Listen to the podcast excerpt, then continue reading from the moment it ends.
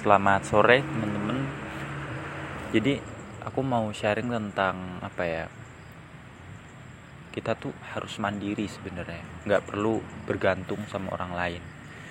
Misalkan gini, kita kan tahu ya teman toksik, teman yang cuma sekedar kenal atau yang lain.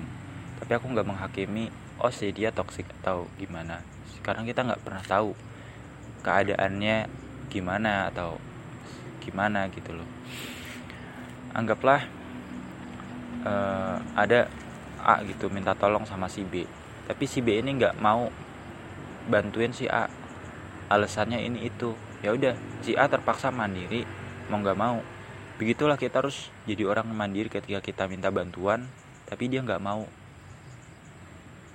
membantu kita. Ya udah kita terpaksa gitu.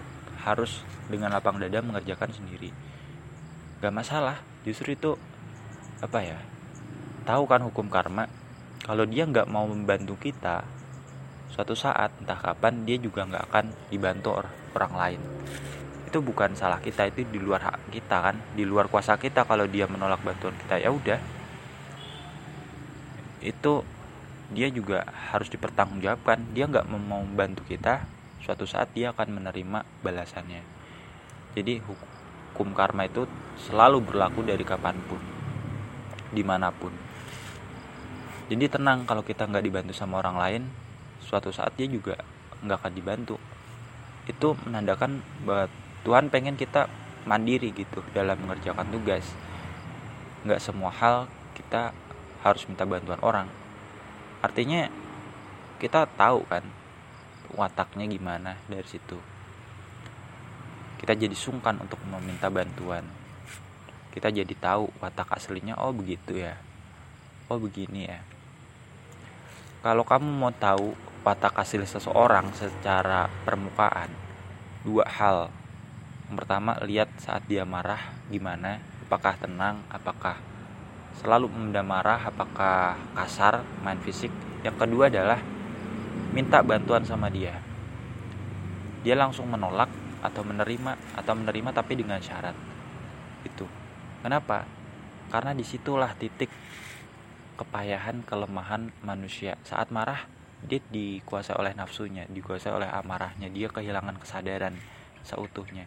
Saat dimintain bantuan dia merasa waktunya terbuang. Dia merasa harga dirinya turun dan sebagainya.